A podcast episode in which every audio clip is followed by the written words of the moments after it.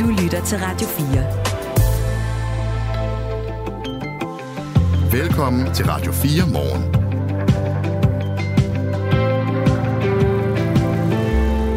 Vi skal til øh, Israel om øh, kort tid. Vi skal til øh, byen Haifa i Israel, hvor Allan Sørensen, mellemøstlig korrespondent for Kristelig Dagblad, giver os en øh, seneste nyt, en status på det faktum, at Israelsk militær har været inde i den nordlige del af Gazastriben hen over natten og har angrebet adskillige Hamas-mål. Vi øh, skal have en øh, status på situationen lige her og nu om 10 minutter.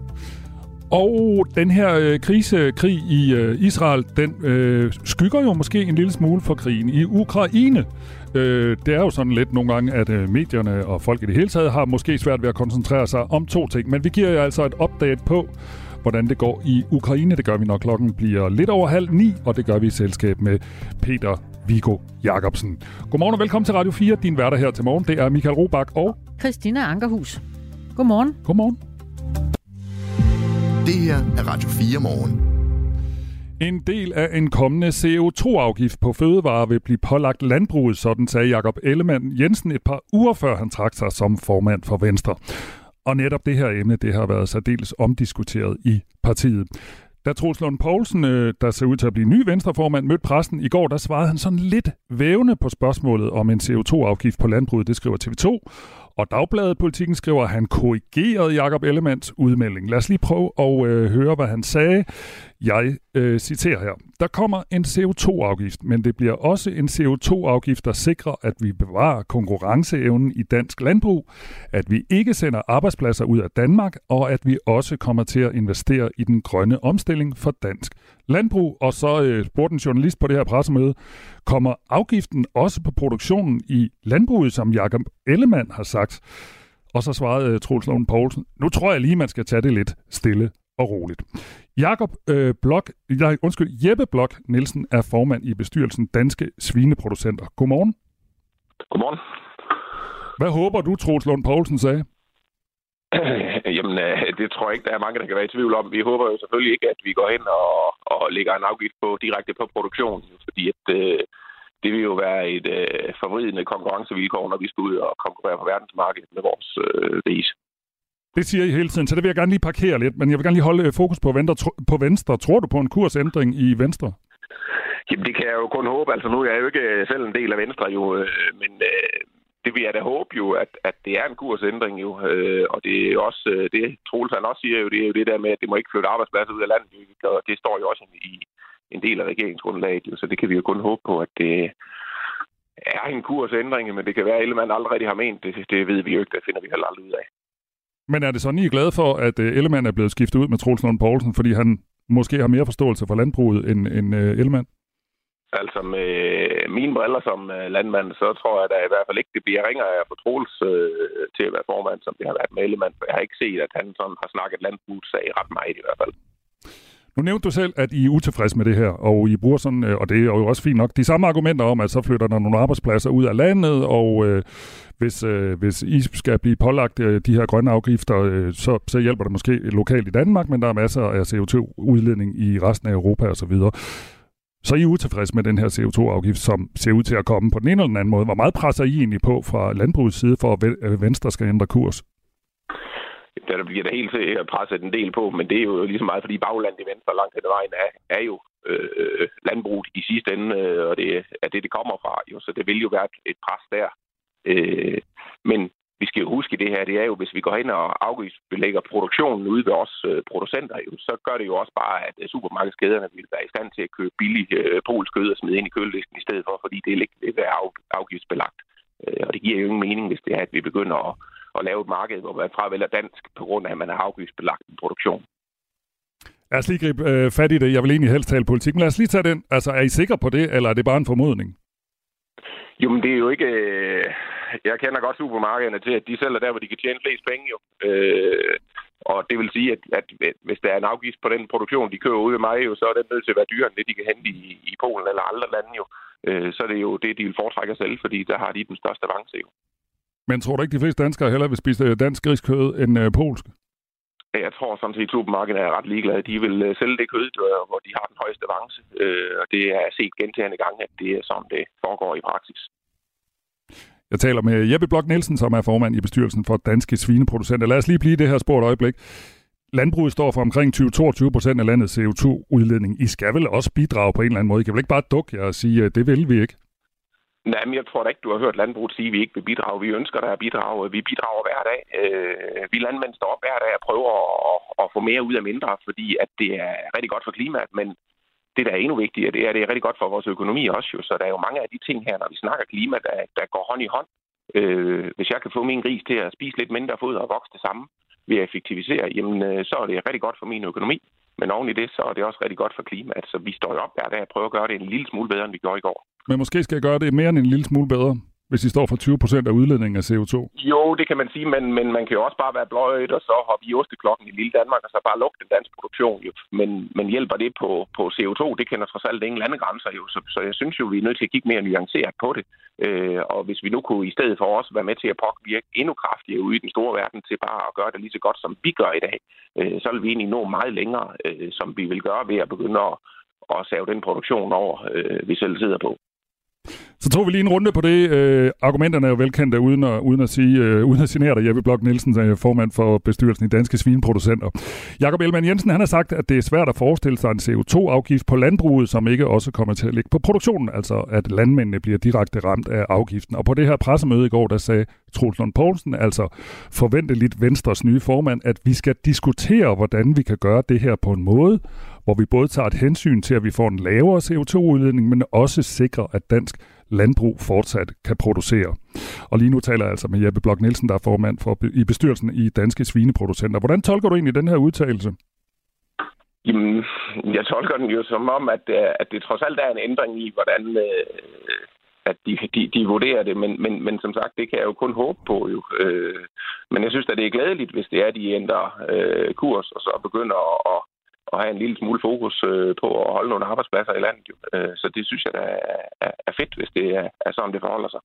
Øh, men nu er det politik, så vi skal lige se, hvordan det ender, før at, øh, vi helt tror på det. Du får lige et citat mere. Øh, det er så fra Stephanie Lose, øh, som også øh, sagde noget om den her sag i går på det her pressemøde, hvor de to kandidater meldte deres kandidatur som altså henholdsvis næstformand og formand til Venstre. Lose sagde, vi kan i hvert fald konstatere, at det er en debat, der har fyldt rigtig meget i Venstres bagland, og det forstår jeg sådan set godt, for der er mange i Venstres bagland, som øh, det her betyder rigtig meget for. Er det også en åbning?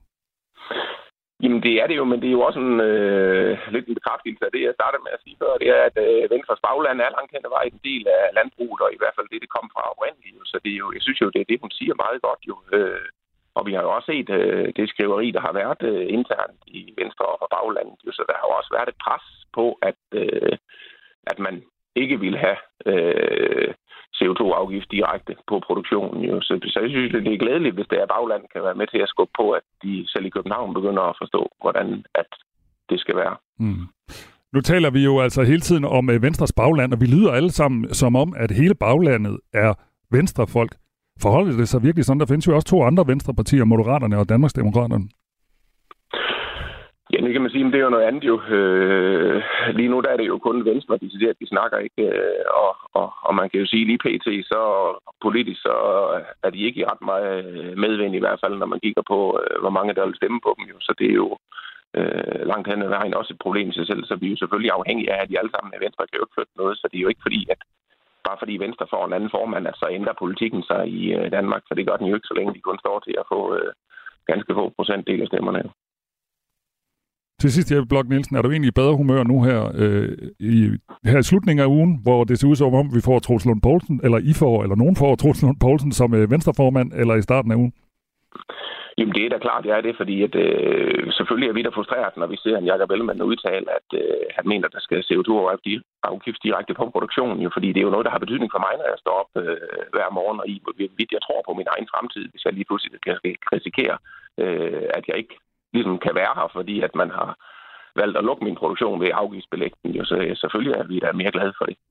Han sagde Jeppe Blok Nielsen, som er formand i bestyrelsen i Danske Svineproducenter. Tak fordi du var med her i Radio 4. Velkommen. Det her er Radio 4 morgen. Du er for gammel. Hun skal være 17 år, og forfatterne ser dig så nu som Fie. Tak for nu. Og så kunne jeg bare mærke, nej, fuck nu det hele. Nu skal jeg bare give den gas. Jeg har intet at tabe. I Portrætalbum bruger Anders Bøtter musikken til at vise nye sider af sine gæster. Jeg tager det ikke for givet, at vi har et land som Danmark, hvor det kan lade sig gøre at stå og være omringet af tusindvis af andre mennesker og være fælles om noget, og der ikke er noget dårligt, der er ikke noget, vi skal være på vagt overfor. Der er bare glæde. Lyt til Portrætalbum i morgen kl. 17.05. Carmen Køllers uh, Axel Byvang, har han en playliste? Jeg ved ikke, om jeg tør sige det. Det er så pinligt. Radio 4. Blandt andet Backstreet Boys. ikke så forudsigeligt. Året 2023 er et år i de ekstreme vejrhændelsers tegn. Varme rekorder i flere måneder, der har været dobbelt skybrud, og århundredes stormflod har vi set senest. Hver måned har nærmest budt på ekstremt vejr. Men hvorfor sker det, og øh, er det bare noget, vi skal vende os til? Vi har øh, talt med Christian Mernil, klimaforsker og professor på... Øh, han, det, det, der står RUK ja. i vores manuskript, men han rettede mig, og han, ja. hedder, øh, han hedder Sebastian Mernil, og han rettede mig også, og han er altså professor på SDU.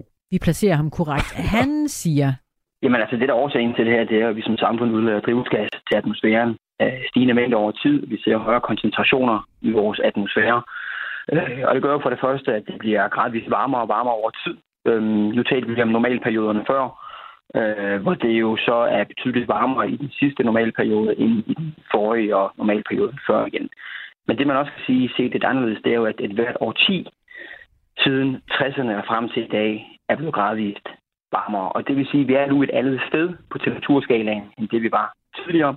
Og når vi så også ser naturlige variationer i vores, øh, i vores klima, så ligger vi igen nu her på et højere niveau, og så skal vi forestille os, at vi har nogle variationer i dag, som så gør, at vi for eksempel ser nogle endnu højere temperaturer, end det vi gjorde for 5-6 årtier siden, på trods af, at vi også havde variationer dengang. Og det vil sige, det med at slå nogle rekorder, det med at se nogle, nogle intense vejrhændelser, jamen den ser vi altså i dag altså i et betydeligt større omfang, øh, end det vi har set tidligere. Og det her, det er jo en, en naturlig udvikling af vores klimasystem, når vi nu påvirker det med stigende mængder af drivhusgas. Netop det, at vi jo over tid ser det varme vejr, men også det her ekstreme vejr. Og det er jo både, når det kommer til øh, ekstremt høje temperaturer, øh, tørkehændelser, kraftige nedbør og oversvømmelser. Så vores forståelse af vores klima, og egentlig også det, vi kan forvente, når vi nu bevæger os ud i tid fra i dag af, jamen det er jo, at øh, det gradvist vil blive varmere, og det gradvist også vil over tid blive mere ekstremt med, med hyppigere ekstremhændelser til følge. Sebastian Mernil, der altså er klimaforsker og professor på SDU, peger også på, at det kan være smart at indtænke vejret, inden man for eksempel går ud og vælger, hvor man skal bo. Det kan nemlig have konsekvenser. For eksempel at bo tæt ved vandet. Altså, jeg tror, vi skal være opmærksom på, at, øh, at, at vi i dag lever i en tid, hvor, øh, hvor klimaet og klimaets øh, effekter øh, får større og større betydning for, eller giver os nogle udfordringer, både når det kommer til, til infrastruktur, for eksempel, ikke? og det vil sige det med at, at bo øh, i kystnære områder, eller det med at bo øh, tæt på vandløb. Øh, det kan forårsage, at man øh, er til at få øh, lidt høj vandstand, for eksempel. Ikke? Sådan sagde Sebastian Mernil, som altså er klimaforsker og professor på SDU, og klokken den er 18 minutter over 8. Du lytter til Radio 4. Og vi øh, skal til øh, Israel sammen med dig, Allan Sørensen. Godmorgen. Godmorgen. Mellemøstlig korrespondent for uh, Kristelig Dagblad. For vi, uh, vi hører, at uh, israelsk militær har været inde i Gazastriben hen over natten. Hvad ved du?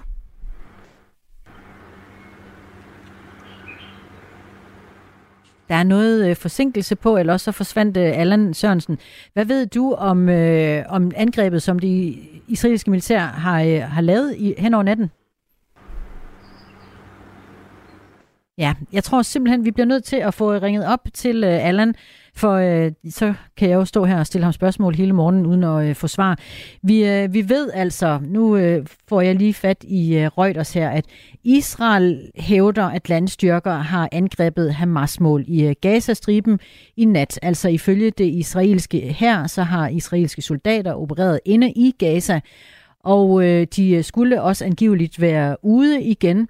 Ifølge det israelske militær er adskillige terrorceller blevet ramt på det sociale medie X, tidligere Twitter, skriver Israels militær IDF, at herren har opereret i det nordlige Gaza for at forberede den næste fase af kampene. Det, øh, den væbnede palæstinensiske gruppe Hamas gennemførte 7. oktober et angreb på Israel, der ifølge Israel har øh, kostet 1400 mennesker livet, og siden har Israel gennemført luftangreb i Gaza, der ifølge Gazas sundhedsministerium har kostet øh, flere end 6.500 personer livet, og det er øh, dødstal, der er øh, bekræftet af uafhængige parter. Nu hører vi, at øh, militæret har været inde i, øh, i nat, og vi øh, håber på, at vi har Allan Sørensen med, mellemøstlig korrespondent for øh, Kristelig Dagblad. Er du øh, med os? Ja, det er jeg. Ja, og det er i Israel, at du øh, befinder dig i øjeblikket. Og vi vil øh, gerne høre, hvad du ved omkring situationen. Hvad der er foregået i nat?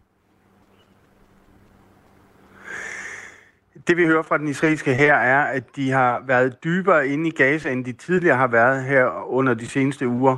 Øh, altså gået ind med både med kampvogne og med øh, et, et vis antal soldater. Vi ved ikke, hvor mange, men altså forholdsvis dybt ind i den nordlige del af Gaza, hvor de så har udført nogle manøvrer, øh, altså ødelagt øh, Hamas-mål øh, inde i Gaza, i en forberedelse på den øh, mulige landoffensiv, som, som Israel øh, stadigvæk hævder vil sætte i gang. Og det er øh, altså det ses som en, en forberedelse og en intensivering af, at man øh, af situationen på den måde, at man rykker nærmere på den her øh, landoffensiv. Er der reaktioner fra Hamas på, at der er en eskalering af krigen? Ikke umiddelbart. Øh, Hamas har oplevet en, en, en, en også af, af de israelske luftangreb, og alle, der har forstand på, på konflikter øh, mellem Israel og Hamas, de ved, at når, når Israel intensiverer luftangrebene, så er det fordi en landoffensiv rykker nærmere. Altså man, man simpelthen forbereder sig på at, at lade soldaterne rykke ind. Og det samme er den der øh, øh, altså lille øh, øh, landoffensiv, som vi så i nat, altså hvor Israel gik ind, men så ud igen. Det er også en del af forberedelsen på en større landoffensiv. Så jeg tror, uden at vi har hørt officielle øh, kommentarer, så, så tolkes det fra Hamas' side som en, en, øh, altså en sidste israelsk forberedelse på en eventuel øh, landoffensiv. Og når vi øh, kommer dertil en øh, landoffensiv, så, øh, så bliver det blodigt. Ja, der vil, der vil være store tab øh, på begge sider, altså både for Israel og, og selvfølgelig også for, for palæstinenserne. Det ligger ligesom i kortene, altså når, når, når kampene de udfolder sig i, i bebygget om, kun er øh, luftbomberne, men øh, Hamas' øh, øh, væbnede medlemmer mod Israels soldater, jamen så, så vil det øh, komme til at koste øh, menneskeliv. Og der er også en mulighed for, at... Øh, at, øh, og det er det, vi ikke ved, men altså, der er en mulighed for, at Hezbollah også vil blande sig, fordi de tidligere her på måneden har sagt, at hvis, hvis Israel rykker ind i Gaza, så, så bliver Hezbollah i Libanon nødt til at reagere. Og så har vi jo et helt andet scenarie. Allan Sørensen, øh, mellemøst korrespondent for Christi Dagblad. Nu nævner du det her med, at det selvfølgelig også vil koste israelske liv, hvis de går ind i Gaza. Hvor stor er opbakningen egentlig til det her øh, formodet angreb i Gazastriben? Jamen, den er meget bred, og det har den været siden øh, Hamas angreb Israel øh, den 7. oktober. Øh, jeg vil sige, der er nærmest, altså jeg ved ikke i procenter, men altså, der er bred, bred konsensus i den israelske befolkning om, at Hamas øh, skal rammes øh, meget, meget hårdt, og, og meget hårdere, end, end Israel tidligere har ramt Hamas. Altså de tidligere konflikter har været sådan, øh, de har taget 14 dage, måske lidt længere, øh, 3-4 uger, og så har man nået en eller anden aftale og en våbenhvile der, fornemmelsen blandt den israelske befolkning, og derfor også deres, deres støtte til, og deres massive opbakning til en, til en landoffensiv, øh, øh, altså det kommer af, at, at der er en forståelse blandt israelerne om, at man kan, ikke, man kan ikke tage endnu en omgang med Hamas. Altså her er nødt til at være en, en afgørelse. Man er nødt til at besejre Hamas, øh, set. Og derfor er opbakningen stadigvæk, øh, altså på grund af den forståelse, er opbakningen øh, særdeles bred i øjeblikket. Og tilbage til øh, angrebet aktuelt i nat, altså den øh, land, det landangreb, som øh, militær, øh, Israels militær har begået ind i det nordlige øh, Gaza. Det forlyder, at der er ramt adskillige terrorceller. Det er israelsk militær, der fortæller det. Ved du noget, Allan Sørensen, om øh, omfanget af skader på øh, ifølge øh, angrebet i nat? Nej, vi, vi kender ikke detaljerne. Øh, der vil måske blive fremlagt nogle billeder fra den israelske her, øh, her senere på dagen, men vi ved ikke præcis, hvad der blev ramt. Altså, jeg kunne forestille mig, at der måske, øh, altså, man måske er gået ind og har, har øh, øh, angrebet nogle af de tunnelsystemer, der ligger i det nordlige Gaza. Måske har man plantet øh, altså efterretningsmateriale øh, i øh, i det nordlige Gaza, sådan at man har, har bedre kontrol over området, og sådan soldaterne kan rykke øh, mere sikkert ind i området, hvis de beslutter sig for at, at sætte den her store landoffensiv i gang. Men vi kender ikke noget, øh, nogen detaljer om, hvor mange øh, Hamas-enheder eller Hamas øh, væbnede militante medlemmer, der er, blevet, der er blevet ramt her i nat. Og det har Hamas heller ikke sagt noget om. Allan Sørensen, der er jo også et øh, dilemma i det her, som en af vores lyttere også er inde på på 1424. Altså, hvad med gislerne? Der sidder et par hundrede gisler inde i Gazastriben. Altså, hvor, hvor, hvad tænker man om det i forhold til at gå ind i Gaza sådan mere, måske mere potent, end man har gjort i nat?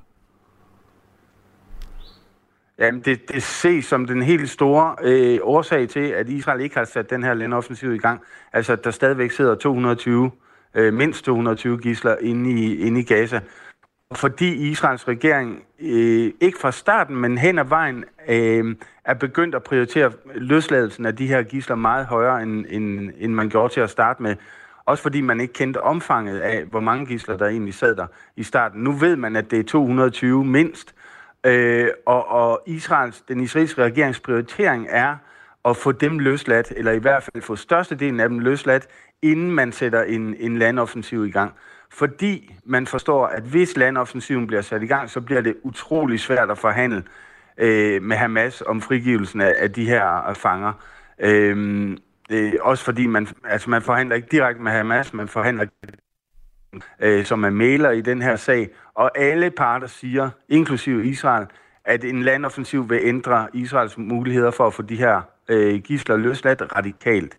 Så, og, og, og jeg tror, og det er også det, der er opfattelsen i Israel, at øh, landoffensiven den simpelthen bliver skubbet, fordi man stadigvæk forhandler intenst om frigivelsen af de her øh, gisler. Ja, det store spørgsmål er naturligvis, hvornår kan vi øh, se den næste fase af kampene, en større landoffensiv?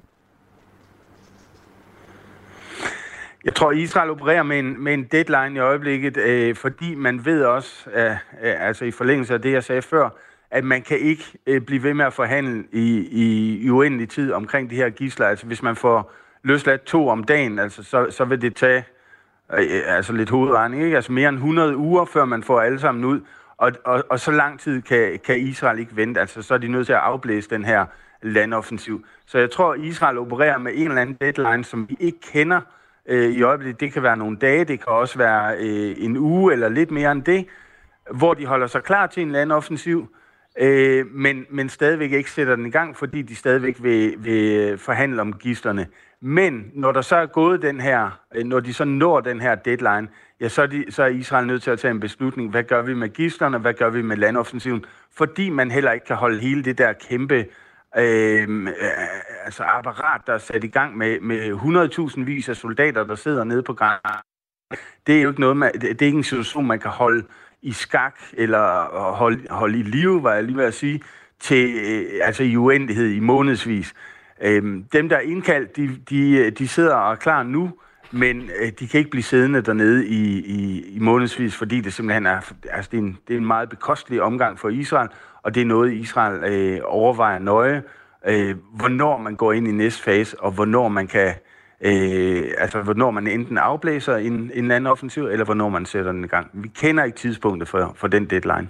Og Israel har tidligere oplyst, at landet har indkaldt omkring 300.000 øh, soldater fra øh, landets reservestyrke. Allan Sørensen, mellemøstlig korrespondent for Christi Dagblad. Tak for det. Det var så lidt. Og øh, der er også øh, den amerikanske præsident Joe Biden, han har, øh, har sagt i går, at han ingen tillid har til de øh, palæstinensiske dødstal, der bliver oplyst af sundhedsmyndighederne i den øh, Hamas-ledede Gaza-stribe. Han øh, sagde nemlig i går, at han, altså nu citerer jeg, uden tillid til de tal, som palæstinenserne bruger. Det øh, skriver nyhedsbyrået Reuters. Han øh, uddyber dog ikke, Joe Biden, hvorfor han er skeptisk over for øh, dødstallene. Han blev på en øh, pressekonference konference i går adspurgt om dødstallet. Men øh, det var her, journalister var interesseret i at høre, om der var udtryk for, om han har tillid til det, og det har han altså ikke lød det direkte på den pressekonference. Og øh, mens, mens den her konflikt og krig mellem Israel og Hamas øh, har raset siden 7. oktober, øh, så er der altså jo stadigvæk en anden krig i gang, og det er altså her i Europa, det er nemlig krigen i Ukraine. Og det er en krig, som måske, eller i hvert fald helt sikkert, får lidt øh, mindre opmærksomhed her den seneste tid. Men det gør vi noget ved. Vi skal høre, hvordan det går med krigen i Ukraine. Det gør vi i selskab med Peter Viggo Jacobsen. Det gør øh, efter nyhederne nu klokken halv ni. Nu er der nyheder på Radio 4. Israelske landstyrker har natten til i dag angrebet adskillige mål med forbindelse til Hamas i den nordlige del af Gazastriben. Det oplyser det israelske militær i en udtalelse ifølge Reuters.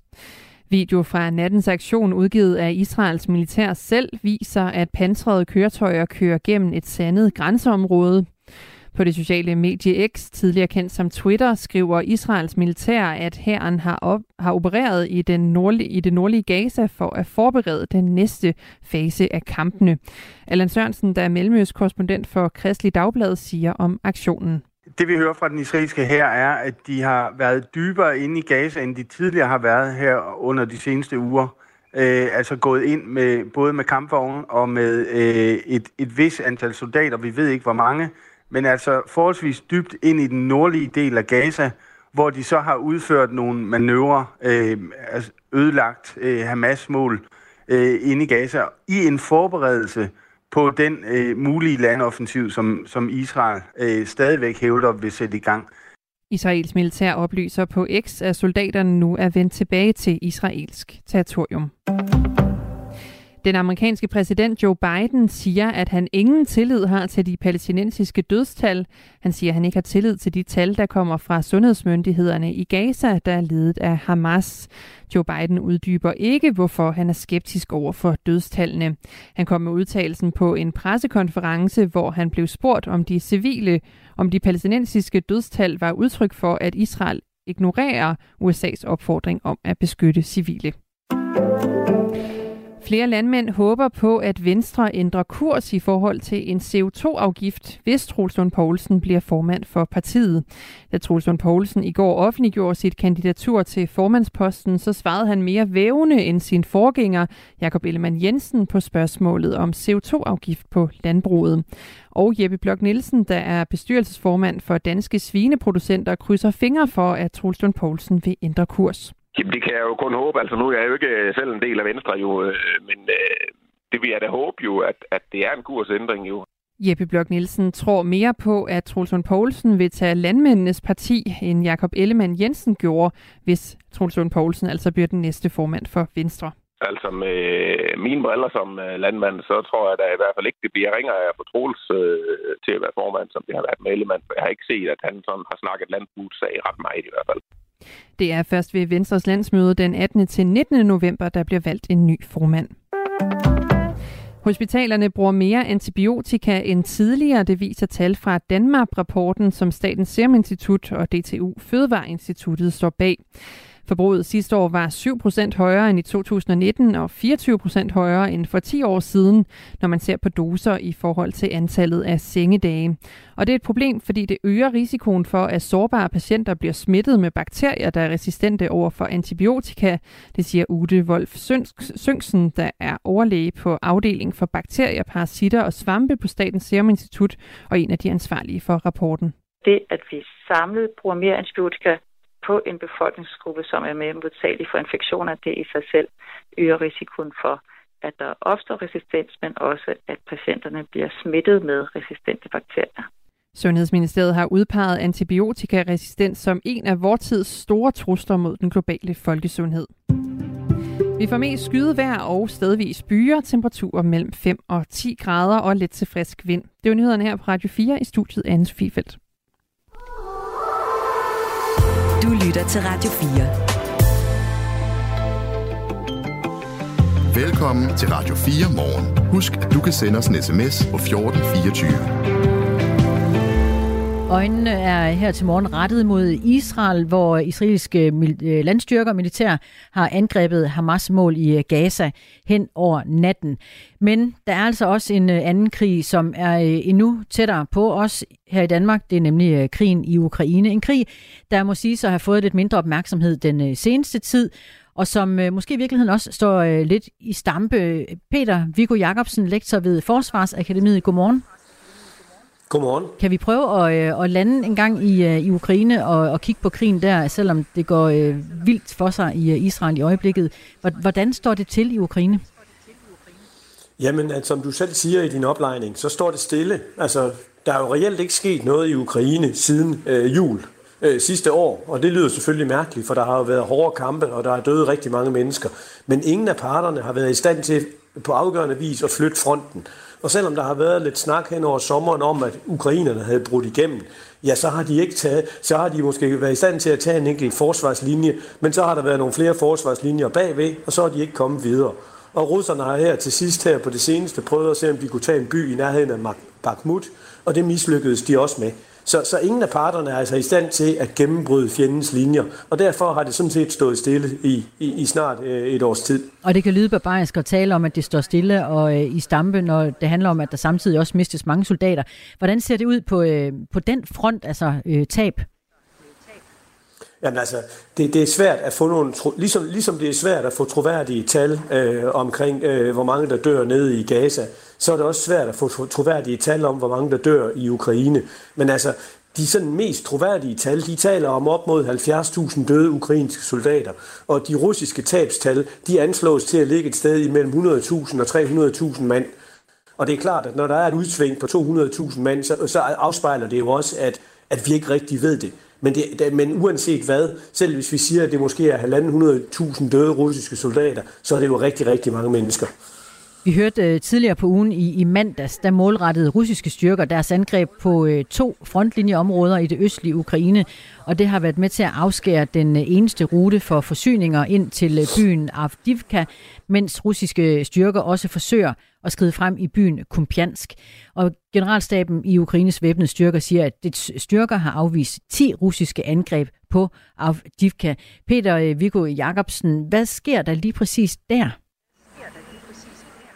Jamen det, der sker, det er jo, at russerne prøver at se, om de kan erobre Abdivka-området deromkring, og det er blandt andet, fordi det er et knudepunkt for, for jernbaner, og det vil altså være nyttigt, hvis man gerne vil erobre noget mere af Donbass-regionen, og det er jo det russiske krigsmål. Men historien om Abdivka minder meget om de andre historier, vi har, vi har set, at der kommer de her angreb, men de fører ikke til, til noget reelt gennembrud. Øh, og det gør det hverken, når det er russerne, der angriber, eller når ukrainerne angriber, fordi ingen af parterne er i stand til at, at gennemtvinge en afgørelse, fordi begge parter har, har, har været gode til at, at hvad det, lave nogle forsvarslinjer, der er meget svære at komme igennem. Og det er jo derfor, at, at krigen står i stampe og står stille. Sidste vinter talte vi også meget om, at, øh, at det også kom til at stå stille hen over krigen. Øh, mudder og, øh, og kulde fik det hele sat i stå. Er det det samme, du også forventer de kommende måneder? Ja, altså lige om lidt, så starter muddersæsonen, så det er sådan ved at være de sidste, de sidste krampetrækninger, som, som russerne er i gang med nu. Så vil der komme en periode, hvor man ikke kan køre med pansrede køretøjer og kampvogne uden for banede veje. Så kommer der en vinterperiode, hvor man sådan set godt kan, men hvor det er rigtig svært, fordi er at der har været det her er Nej, det er jeg ikke. Der kommer lige to, som jeg skal med. Øh, men, men hvad hedder det? Øh, der kommer en periode, hvor vinterens frost sætter ind, og så får du få mulighed for at slås. Men det er meget hårdt at slås i frostvejr for både soldater øh, og, og materiel. Så derfor tror jeg ikke, der sker noget afgørende igen, før vi kommer ind i, i sommeren øh, og foråret, hvor jorden bliver soltør igen. Så jeg tror ikke, der kommer til at komme nogle nye store forsøg på at bryde igennem før til foråret og sommeren.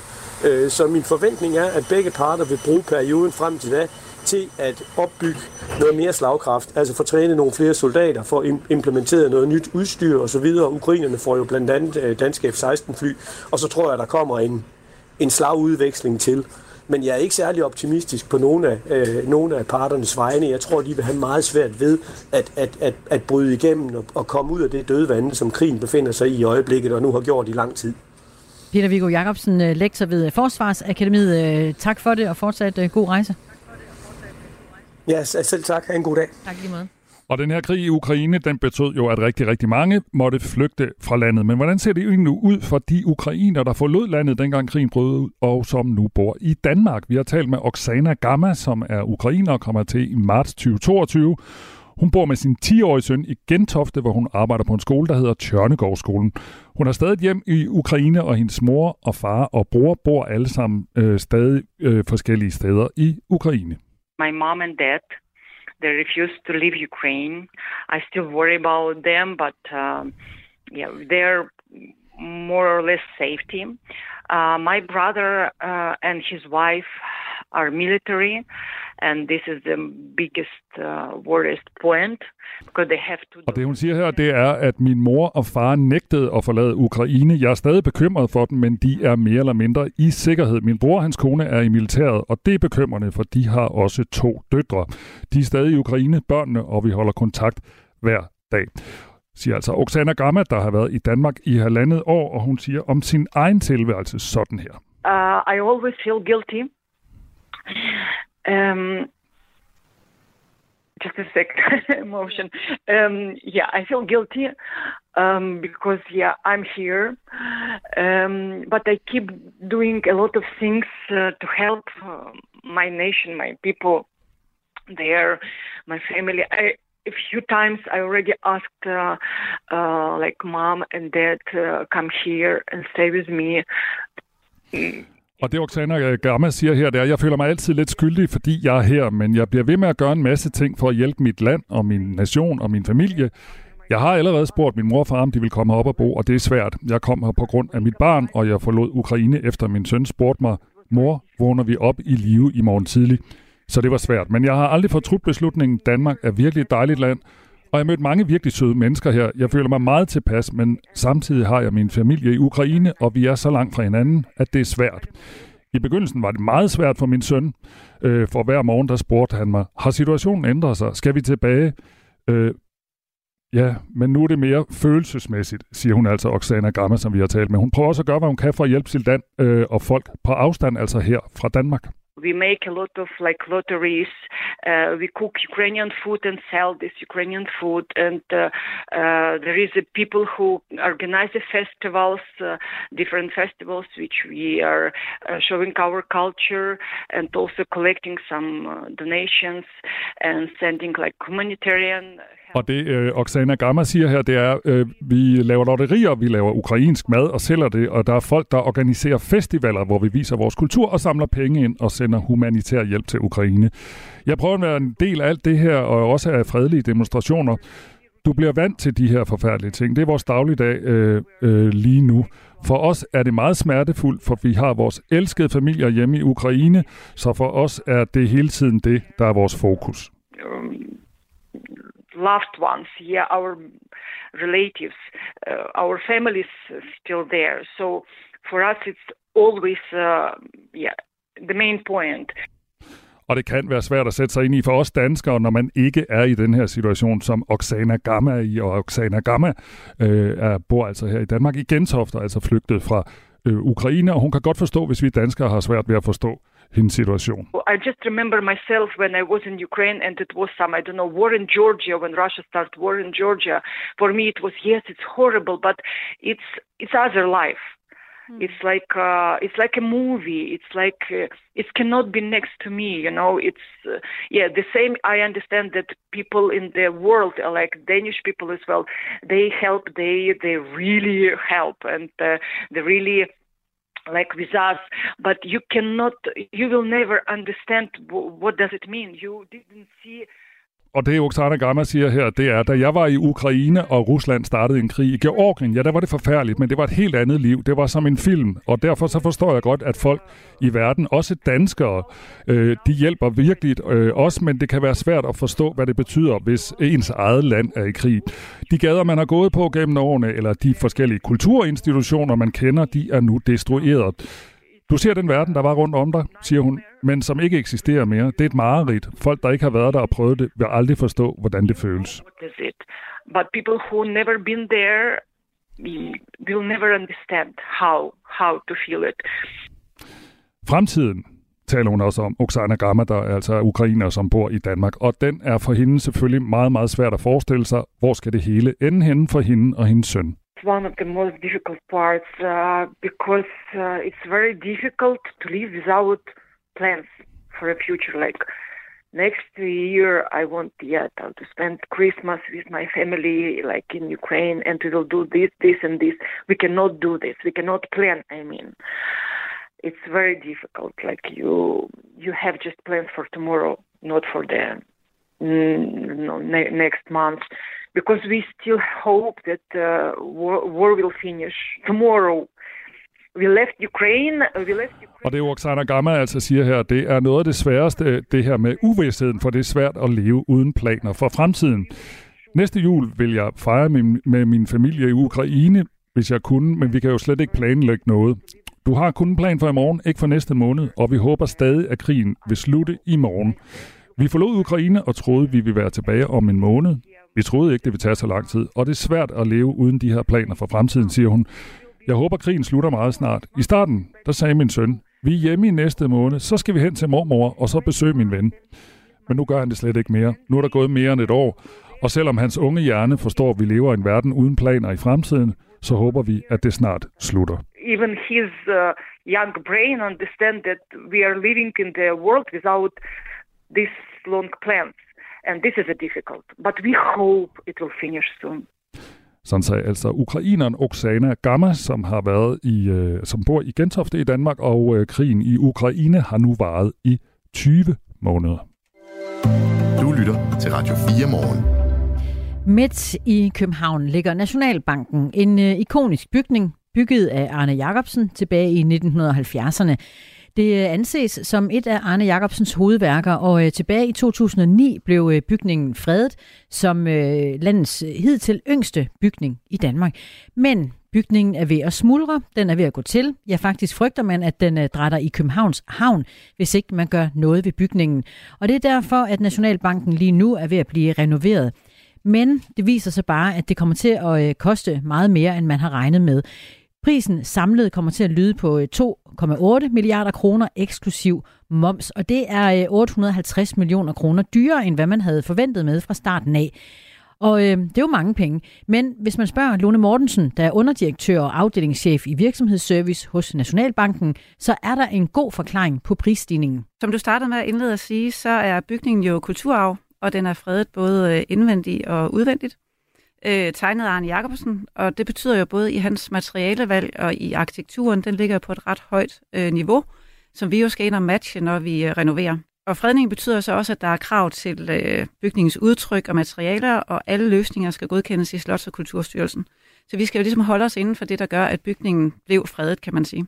Det vi har gjort de sidste, de sidste års tid, det er, at der er gennemført en, en del pilotprojekter, både udvendigt på, på marmoren, kan man sige, i forhold til bygbarhed, hvordan kan vi skifte det her, og også indvendigt. Øh, så årsagen til, at det er blevet dyrere siden sidst, er, at øh, de her pilotprojekter, de har jo øh, vist, at øh, blandt andet på vores miljøsanering, vi har jo PCB i en del af bygningen, etape 1. PCB, det er en, øh, en, et stof, som man kom ned i furene i 70'erne øh, og som man stoppede med at bruge i slut 70'erne, mener jeg, fordi man fandt ud af, at, øh, at det afgasser til omgivelserne og kan trænge ind i, og det har det så gjort hos os, trængt ind i vores pæretræ på panelerne og på skabene og i vores gulve blandt andet. Og når det så afgasser, så kommer det jo ud i luften, og så kan man jo så indånde det, kan man sige. Ikke? Og det er jo ikke så, så hensigtsmæssigt, når man har en arbejdsplads, mm. øh, hvor folk skal kunne arbejde. Øhm, og den PCB-sanering, det har vi besluttet, at vi skal have, have PCB udledningen, kan man sige, eller afgasningen ned under de her grænseværdier, væsentligt ned under grænseværdierne, for at vi kan fungere som arbejdsplads. Og de forsøg, vi har lavet, har vist, at, øh, at det er bare meget sværere end, end øh, hidtil troet. Øh, og vi har ikke noget, vi kan læne os op ad. Vi er de første, der, der gør det, kan man sige, ikke? der forsøger at fjerne PCB fra en eksisterende bygning. Og selvom prisen nu er 850 millioner kroner dyrere end først forventet, så er det ikke sikkert, at det øh, lander der i den sidste ende. Der er nemlig mulighed for, at det bliver endnu dyrere, men øh, faktisk også mulighed for, at det bliver billigere. Altså, vi har jo estimeret løbende, hvor meget det kommer til at, at koste, og det er også vigtigt at sige, at det her det er stadigvæk et øh, overslag. Det er vores rådgiver, der har regnet på, hvad tror de, det her det kommer til at, at koste. Øh, vi har jo først endelig, den endelige pris, når vi har været i udbud og fået nogle tilbud ind på, hvad det faktisk kan, kan, kan gøres for øh, kan man sige. Øh, og, og det er jo så en af årsagerne til, at vi også laver de her pilotprojekter, det er for at blive mere tydelige på, jamen, hvad kommer det her til at koste, og for at blive mere tydelige på, hvad det er for nogle løsninger, vi kan lave. Fordi vi er jo de første, der, der restaurerer og renoverer et, øh, en, en fredet ejendom, der er bygget i den periode. Øhm, Underdirektør og øh, afdelingschef i øh, virksomhedsservice hos Nationalbanken erkender, at der er tale om øh, mange penge. Lone Mortensen hedder hun. Hun peger også på, at hvis man vil bevare kulturarven, så er tiltag som de her vigtige. Vi betaler jo så selv ud af vores løbende øh, driftsoverskud og vores egen beholdning. Øh, så man kan sige, det er, det er penge, som, som vi betaler, øh, eller som vi giver. Øhm, og så kan man sige, at prisen, altså det er en fredet ejendom, og det er kulturarv. Øhm, jeg tror, hvis man vil bevare kulturarv også for eftertiden, øh, så er det, er det også vigtigt, at vi, øh, vi gør det, der skal til. Og vi mener, at, øh, at vi, ejer, vi ejer bygningen, og vores øh, opgave er at tage vare på den. Den er fredet af, af Slots- og Kulturstyrelsen tilbage i 2009, netop på grund af dens kulturmæssige værdier for Danmark. Øh, så vi mener, at øh, det også er vores ansvar at bevare det for, for eftertiden. Det er Nationalbankens egne penge, der er tale om. Men det skal så alligevel siges, at Nationalbankens øh, mulige overskud øh, forsvinder på den her måde, og ellers ville den kunne være gået til finansloven. Så øh, på grund af byggeriet, så kan det være, at der ikke bliver penge til års til finansloven.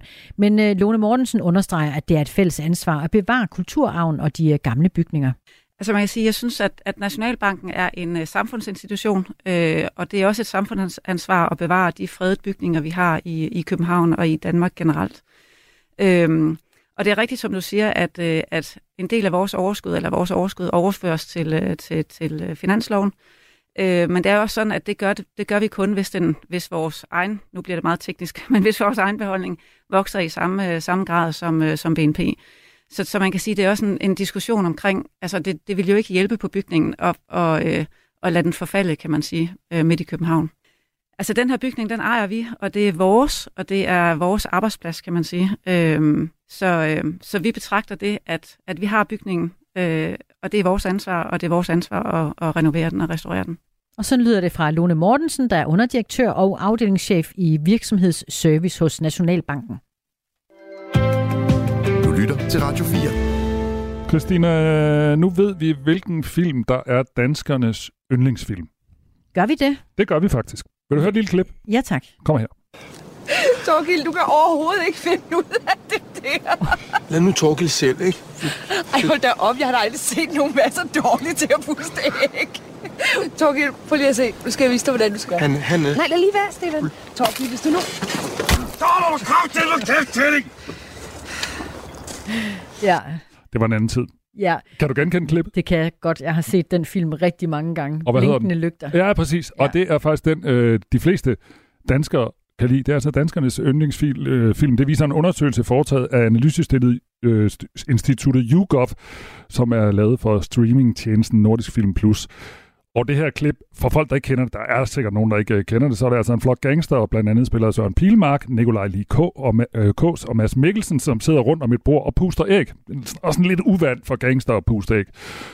Og den ene forbryders kæreste, spillet af Sofie Gråbøl, gør Torkil, der bliver spillet af Pilmark, opmærksom på, at han er ret dårlig til at puste æg, og så får hun altså en på kassen.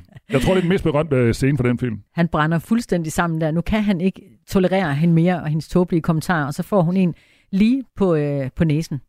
Og går ud som et lys, faktisk. Ja, man må ikke uh, sige til gangster, at de ikke kan puste æg, hvis man nogensinde skulle komme i den situation. Nå, men der er faktisk en helt top 10, Christina, over uh, danskernes yndlingsfilm uh, i den her undersøgelse. Nummer to, det er Druk. Ja, Thomas Winterbergs film fra 2020, som jo uh. altså også vandt en Oscar. den har jeg også set flere gange. Ja. Nummer tre, Den eneste ene. Ej, den er også god. Den er Ej, nemlig jeg, også jeg, god. Jeg giver de her danskere fuldstændig ret. Og så nummer fire, der har man ligesom samlet øh, alle Olsen-banden-filmene. Okay, som en samlet pakke. Ja, fordi ja. jeg tænker, hvis man havde, jeg, jeg, jeg gætter bare, men altså hvis man havde skilt mad, så kan det godt være, at der ligesom ville være Olsenbanden til Rødt som nummer to, og Olsenbanden i Jylland som nummer tre, ja. og så videre, og så videre. Men den er, de er altså samlet, og de er blevet nummer fire. Nummer fem, Adams Æbler fra 2005, Mm. mm. øh, instrueret af Anders Thomas Jensen. Den har jeg faktisk aldrig set. Den er god, den kan jeg anbefale også. Okay. Mm. Har du set, altså jeg ved ikke, om du har set Jeg har alle. ikke set alle Olsenbanden. Nej, nej, men du er med nu, ikke også? jo, jeg er med. Jeg er så meget med. Nå, det er godt. Nummer 6, den har jeg heller ikke set. Øh, De Grønne Slagter. Ja, den har jeg set en gang. Jeg kan dårligt huske den, men så vidt jeg husker, så grinte jeg noget undervejs. Den er fra 2003, den er altså 20 år gammel. Nummer 7, det er Jagten, som er instrueret af Thomas Winterberg. Så er der afdeling, nu har de også lavet en samlepakke her på 8. pladsen, altså over de film, som danskerne bedst kan lide. Så er der lavet sådan en samlepakke, og det er afdeling Q-filmene. Mhm. Mm-hmm. Altså det er Jussi Adler Olsens øh, bøger, der er øh, blevet filmatiseret. Ja. Nummer 9 er Nattevagten, helt tilbage fra 94, og nummer 10 er I Kina spiser de ugene fra 99, og den er instrueret af Lasse Spang øh, Olsen. Ja, ja, ja, jeg har læst den her øh, artikel, øh, fl- eller den her liste flere steder, og der er, nu har jeg lige samlet sådan lidt en tværsum af listen. Mm. Instruktør Anders Thomas Jensen har tre film på listen, altså hvis vi ser bort fra hele Olsen-banden-pakken. det er flot. Så, så må vi sige, så har Erik Balling mange, mange film på listen, Jeps. men altså han har altså tre.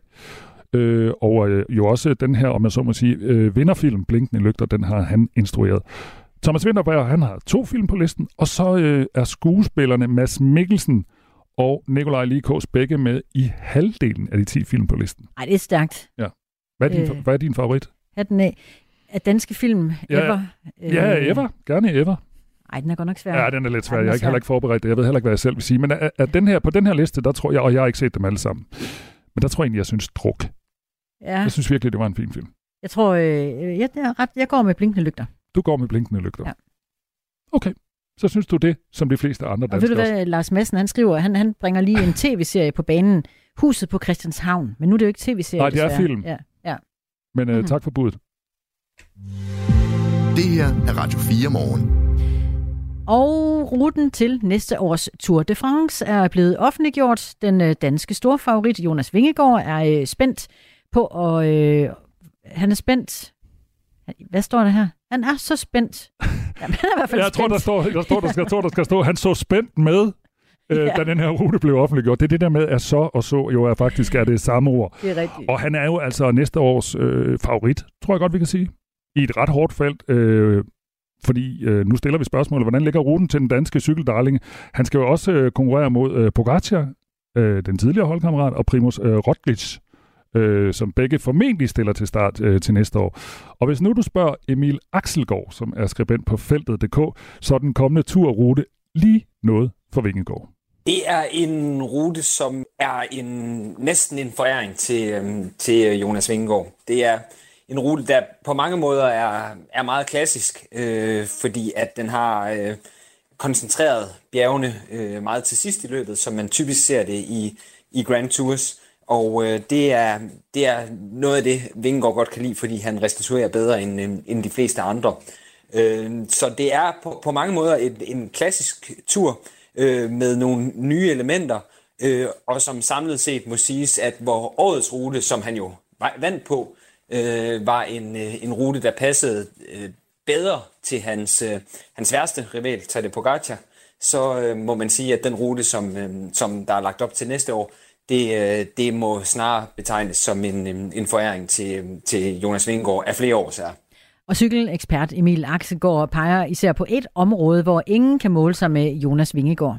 Det der er Vingegaards store styrke, øh, det er, at han øh, restituerer sig godt. En Grand Tour adskiller sig jo fra andre cykelløb ved- at den kører sig over, over tre uger. Så, øhm, så det er i høj grad restitutionsevnen og evnen til at, til at holde ud i tre uger, som bliver testet. Og det er bare det, han er som pokker god til. Hans krop restituerer bare bedre end, end alle andre øh, kroppe i, øh, i, øh, i cykelfeltet. Så han, øh, det er det der hans store force, og derfor er det i hans interesse, at, øh, at løbets vanskeligheder er koncentreret sidst i løbet. Og øh, det er det, de i høj grad er den her gang. Øh, faktisk så skal vi helt hen frem til, til 14. Øh, etape, altså øh, bare en uge inden løbet slutter, inden vi faktisk har den første alvorlige øh, bjergeaf, øh, bjergeafslutning og bjergetappe i Pyrenæerne. Og skribent på øh, feltet.dk Emil Axelgaard, som vi hører, understreger altså, at øh, Vingegaards øh, store fordel kommer til at have stor betydning. Han mener nemlig, at der ikke er nogen tvivl om, hvem der er favoritten næste år. Han er i hvert fald, han, han var favorit inden, øh, inden præsentationen i dag, øh, og, øh, og efter i dag, så er han blevet endnu større favorit. Der er selvfølgelig tusind ting, der kan se, øh, både inden løbet starter. For eksempel så så vi jo i år, at, øh, at Pogacar, hans værste rival, han mødte op øh, med et... Øh, med en alt andet end optimal forberedelse, fordi han havde brækket håndledet i, øh, i klassikerne øh, inden det. Så, øh, så han var sat tilbage allerede inden løbet startede. Og, øh, og det kan selvfølgelig også ske for, for Vingegaard, og der kan ske tusind ting i løbet af, af selve løbet. Men, øh, men hvis øh, man antager, at alle er på 100% og kommer igennem løbet uden, uden væsentlig uheld, så, øh, så er Vingegaard for mig at se øh, ret klar favorit og, og større favorit, end han var i morges. Fin vurdering af Emil Axelgaard, skribent på øh, feltet.dk. Du lytter til Radio 4 morgen. Og her i studiet har vi fået besøg af Sylve- øh, Sylvester Guldberg Røn, som er vært på Ring til Radio 4, når vi er færdige, altså 9.05. Du har øh, 40 sekunder. Hvad skal vi glæde os til? Nu med lyd også, ikke? Først skal vi glæde os til, at øh, mikrofonen er tændt, men Sådan. bagefter, så skal vi glæde os til at tale lidt om turisme, for øh, på finansloven, der er der sat 100 millioner kroner af til turisme i Danmark, og næsten halvdelen, 49, ja, de går til Wonderful Copenhagen, den her Uh. turistorganisation i, i hovedstaden. Og øh, det er faldet nogen for brystet over på den øh, jyske vestkyst, øh, nærmere bestemt det, der hedder Visit Nordvestkysten. De mener ikke, det er fair, at øh, hovedstaden skal have så mange penge, når øh, de ikke får nogen, og når de i øvrigt har flere overnatninger. Så øh, vi skal debattere, om der skal flere millioner ud i landet i øh, turismen, og ikke bare i hovedstaden. I skal også diskutere, har vi for meget tvangshygge i Danmark? Det glæder jeg mig til. Det er altså 1424, og du kan nå at sige jeres telefonnummer også. 72 30 44 44. Klokken er 9. Du har lyttet til en podcast fra Radio 4. Find flere episoder i vores app, eller der, hvor du lytter til podcast. Radio 4. Ikke så forudsigeligt.